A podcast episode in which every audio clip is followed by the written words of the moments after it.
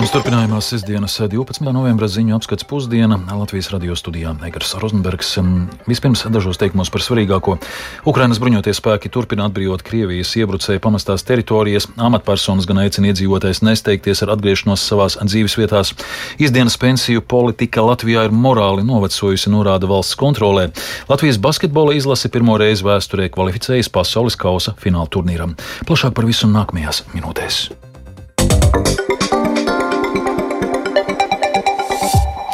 Ukrainas bruņoties spēki turpina strauji atbrīvot Krievijas iebrucēju pamestās teritorijas, taču amatpersonas aicina iedzīvotājs nesteigties ar atgriešanos savās dzīvesvietās. Atbrīvotās teritorijas joprojām ir bīstamas un var būt pakļautas apšaudēm. Vienlaikus kolaborantu vadība paziņojusi, ka okupētās Helsonas apgabala galvaspilsētu pārceļ uz Heņičesku.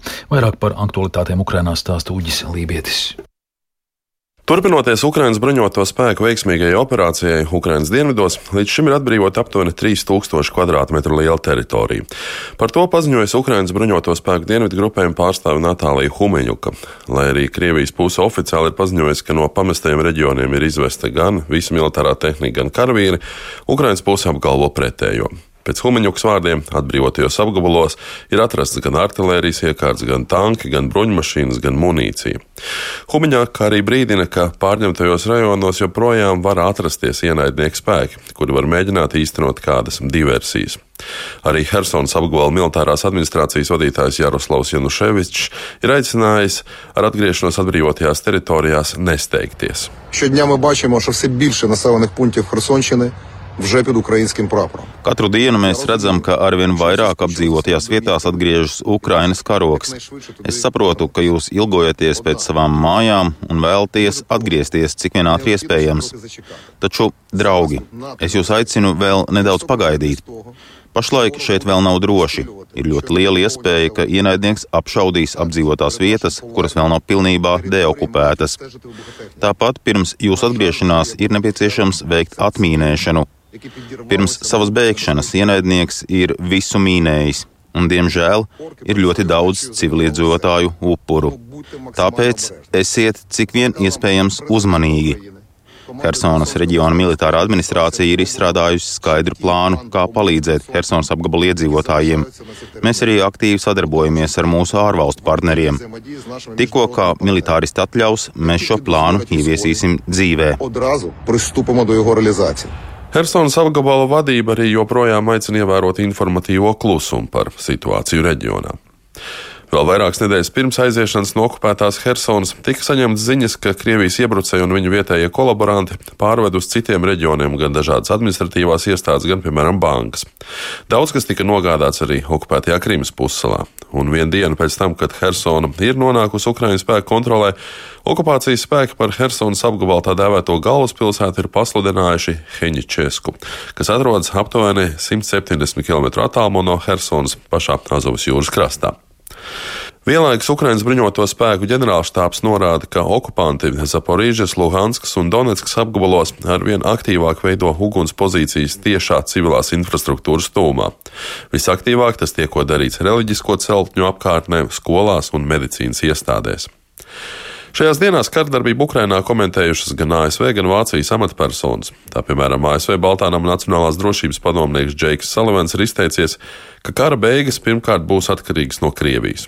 Vienlaikus gan viņš atzīst, ka Krievija īsti nav gatava šādām sarunām, jo joprojām cenšas uzstāt uz Ukrainas teritoriju aneksijas likumību.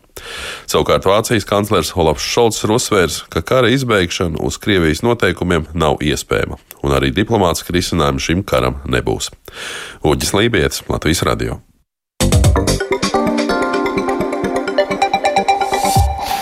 Šogad izdienas pensijām nepieciešami aptuveni 77 miljoni eiro, savukārt nākamgad summa varētu sasniegt pat 85 miljonus. Šajos aprēķinos neņem vērā militāra personas. Valsts kontrole jau atkal vērš uzmanību, ka izdienas pensiju politika valstī ir morāli novecojusi. Nepieciešama politiskā griba, lai veiktu izmaiņas sistēmā. Iekšlietu resursi to apzinās, taču reformas varētu apdraudēt esošo darbinieku noturēšanu un jauno piesaisti. Plašāk Lindas Pundiņas ierakstā. Valsts kontrola kārtējā revīzijas ziņojumā aktualizē jautājumu par izdienas pensijām. Revidenti jau pirms pieciem gadiem norādīja, ka izdienas pensiju politika neatbilst valsts pensiju būtībai, proti ieinteresēt darbspējīgā vecuma iedzīvotājus pēc iespējas ilgāk turpināt darbu. Savukārt sākotnēji izvirzītie mērķi garantēt sociālo nodrošinājumu dienestos strādājošiem, kuri pēc noteikta laika zaudē profesionālās iemaņas vai sociālās bīstamības dēļ, ir novecojuši skaidro valsts kontrolas padomas locekla Māja Āboliņa. Līdzdienas pensiju politika kopumā strādā pilnīgi pretējā virzienā. Turklāt ir eh, ļoti liela nevienlīdzība nosakot profesijas un amatus, kas vispār var pretendēt uz izdienas pensijām, un tie ir tādas politiskie lēmumi, kam paredzēt šādas sociālas garantijas un kam nē. Tāpat arī atšķiras darba stāsts, no kura var pensionēties. Īsdienas pensijas ir būtiski lielākas nekā vecuma pensijas. Valsts kontrole iesaka pāriet uz citiem instrumentiem. Izdienas pensijas būtiski jāsamazina, tās piešķirot tikai izņēmumu gadījumā, ja to var īpaši pamatot. Mēs jau iepriekš no valsts kontrolas puses esam vērsuši valdības uh, uzmanību uz šiem jautājumiem, bet līdz šim, protams, nav bijis politiskais atbalsts sākt uh, jebkādas ilgspējīgas reformas valstī attiecībā uz izdienas pensijām. Apjoms finanšu ziņā, par ko es runāju, 22. gadā tie ir apmēram 77 miljoni eiro, 23. jau izskatās, ka tie būs 85 miljoni eiro, neskatot tos finanšu līdzekļus, kas ir nepieciešami izdienas pensiju izmaksai militāru personām. Iekšlietu ministrijas valsts sekretārs Dimitrijs Trofīmovs saprot valsts kontrolas argumentus nepieciešamībai veikt pārmaiņas. Šis stāsts uh, nav tikai par izpratni par nepieciešamību veikt pārmaiņas, uh, bet arī par uh, nepieciešamību nodrošināt iztikas minimumu un to atbilstošo atlīdzību, lai varētu iekšējās drošības dienesti vispār iztenot savu funkciju. Un, tādēļ, protams, lemjot par jebkādām izmaiņām sociālo garantiju jomā, šīs nav uh, atsevišķi skatāms jautājums. Tiklīdz mēs sakam, ka labojam kādu vai pilnveidojam sociālās garantijas veidu, izdienas pensija vienmēr bija viens no svarīgākajiem motivatoriem ir jābūt eh, vienlaikus arī lēmumiem par eh, būtisku atlīdzības pieaugumu. Ja iekšlietu resorā darbiniekiem netiks palielinātas algas un būs kādas reformas izdienas pensiju sistēmā, tad tas apgrūtinās pietiekamu darbinieku skaitu nodrošināšanu, un ir būtisks risks, ka nevarēs piesaistīt jaunus darbiniekus, teica Trofīmovs. Linda Spundiņa, Latvijas radio.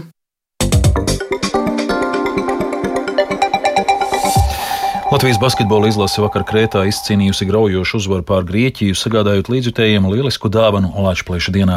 Šī uzvara Latvijas basketbolistiem ļāvusi pirmo reizi kvalificēties pasaules kausa fināla turnīram. Maču klātienē noraudzījās vairāk nekā simts Latvijas līdzjutēju, kuri centās neatpalikt no skaļiem grieķu faniem.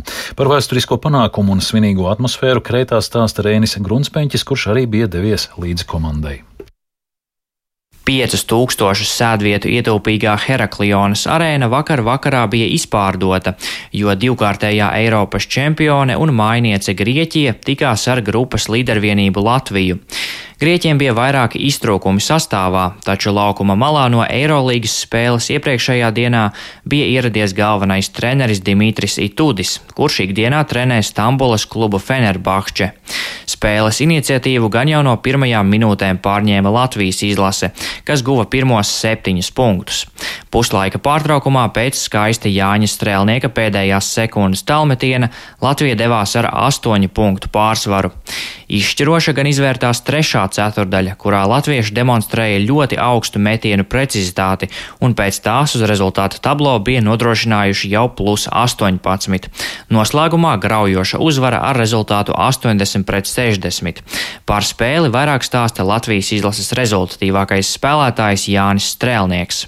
Nu, ja godīgi, es neuzskatu, ka mēs nospēlējām to pašu labāko spēli, jo viņi tomēr tik pie daudz brīviem metieniem. Varbūt viņiem pietrūka nedaudz tās kvalitātes spēlētājos, lai uh, iemestu un tā spēle varēja pavērsties pilnīgi jā, citādāk. Jo es, es esmu spēlējis Grieķijā, es zinu, kāda ir grieķu mentalitāte. Viņi var mest garām, bet uh, nu, viņiem ir spējas beigās arī iemest. Bet šoreiz neviens viņiem neatradās īsti spēlētājs, kurš to var izdarīt. Tāpēc, uh, Varbūt tās mums nedaudz paveicās, jo bija daudz, daudz kļūdiņu tajā aizsardzībā. Strēlnieks šajā mačā izcēlās ar 19 punktiem, trāpot 4 no 5 trīspunktu metieniem. Tāpat lielisku maču aizvadīja arī bez kluba esošais Jānis Tīma, kurš izlases rindās nebija spēlējis vairāk nekā pusotru gadu. Viņa kontā 17 punkti. Vēl 15 pievienoja komandas kapteinis Dairis Bērtāns. Visu trīs pieredzējušo spēlētāju sniegumu pēcspēles preses konferencē izcēla arī galvenais treneris Luka Bankī, kurš atzina, ka komanda izdarīja ko tādu, kas vienmēr paliks Latvijas fanu atmiņās. Zinām, mēs jau paši saprotam, kas ir nepieciešams. Treneris vienkārši ir ļoti, viņiem ļoti labi izdodas motivēt. Viņš atrod tos pareizos, es, protams, tev neatkārtoju, ko viņš īsti teica, bet viņiem izdodas atrast vienmēr tos īstos vārdus, kas paceļ emocionāli. Un mēs zinām, ka darbs vēl nav padarīts, bet ja bija tie, tie astoņi punkti mūsdienu basketbolā, ir šī tā te un viss. Viņi jau dzirdēja visu, mēs ļoti milzīgs paldies. Un, uh, mums vienmēr ir palīdzējis sastais spēlētājs jau cik gadus, teiksim tā. Mums ir liels, milzīgs prieks, ka viņi ar mums ir teiksim, tā, gan priekos, gan bēdās. Arī tajos laikos, kad negāja tik labi, varbūt tās, un ka tagad ir tā, ka mēs spēlējam tādu labu basketbolu. Pēc spēles beigu sirēnas pagāja tikai mazliet vairāk nekā stunda, kad visa Latvijas komanda un tās līdzjutēji jau sēdēja autobusos ceļā uz lidostu. Tā vēlajā vakara stundā tika pieskandināta ar līdzjutēju dziesmām un saucieniem Mūsu zeme Latvija. This evening is very special for us because it's lunch pleasure days when we remember Vēlāk lidmašīnā latviešus ar apsveikumiem par vēsturisko uzvaru sagaidīja ne tikai piloti un apkalpes personāls, bet īpašu apsveikuma runu teica arī Latvijas Basketbola Savienības prezidents Raimons Vējonis. Honor of our country. Thanks to you.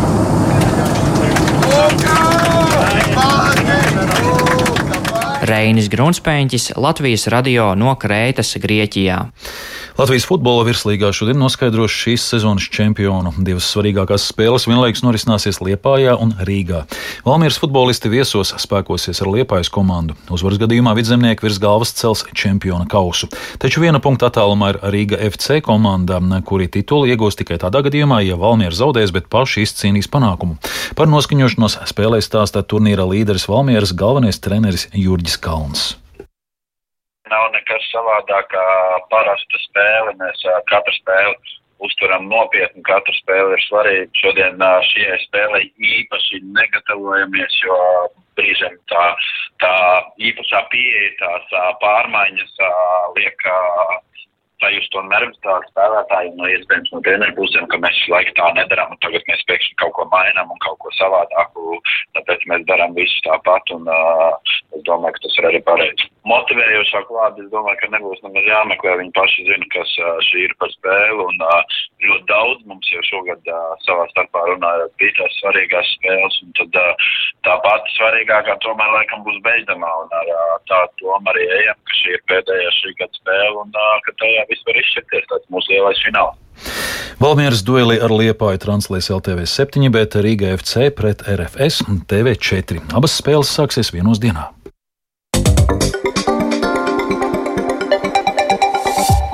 Ieskandinot patriotu nedēļu un valsts prezidenta institūcijas simtgadis šodien no pieciem pēcpusdienā laukumā pie Rīgas pils Latvijas iedzīvotāji aicināti apmeklēt koncertu stāstu savējs mūsos pašos.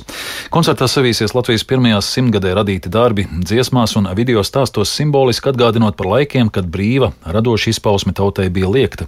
Koncerts tiešraidē būs vērojams sabiedrisko mediju portālā LSMLV, bet ierakstā Latvijas televīzijas pirmajā kanālā no desmitiem vakarā. Koncerts stāstā lai, laikā uz Rīgas Rīgas eh, pilsētas fasādes izrādīs cauri laikiem aizliegtus latviešu autoru mākslas darbus, kas izvēlēts sadarbībā ar vēsturnieku Jāni Kalneču. Bet Valmieras novada sēļu muižā folkloras kopas sēlenis šodien no četriem pēcpusdienā svinēs piecu gadu jubileju un ikvienu aicinu uz svētku koncertu, ko lustīgam padarīsi. Koncertā viesosies kolektīvi no Valkas, Pušmucovs un Igaunijas pilsētas Kilinginemme. Sadziedāšanās būšot sākums jaunam tautas mūzikas festivālam, kas turpmāk katru gadu varētu pulcēt folkloras kopas kopas, lai sadziedātos un cits no cita mācītos.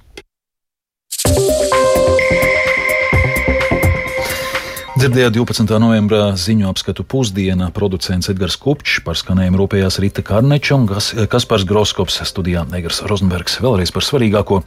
Ukrainas bruņoties spēki turpina atbrīvot Krievijas iebrucēju pamestās teritorijas, amatpersonas gan aicina iedzīvotājs nesteigties ar atgriešanos savās dzīvesvietās.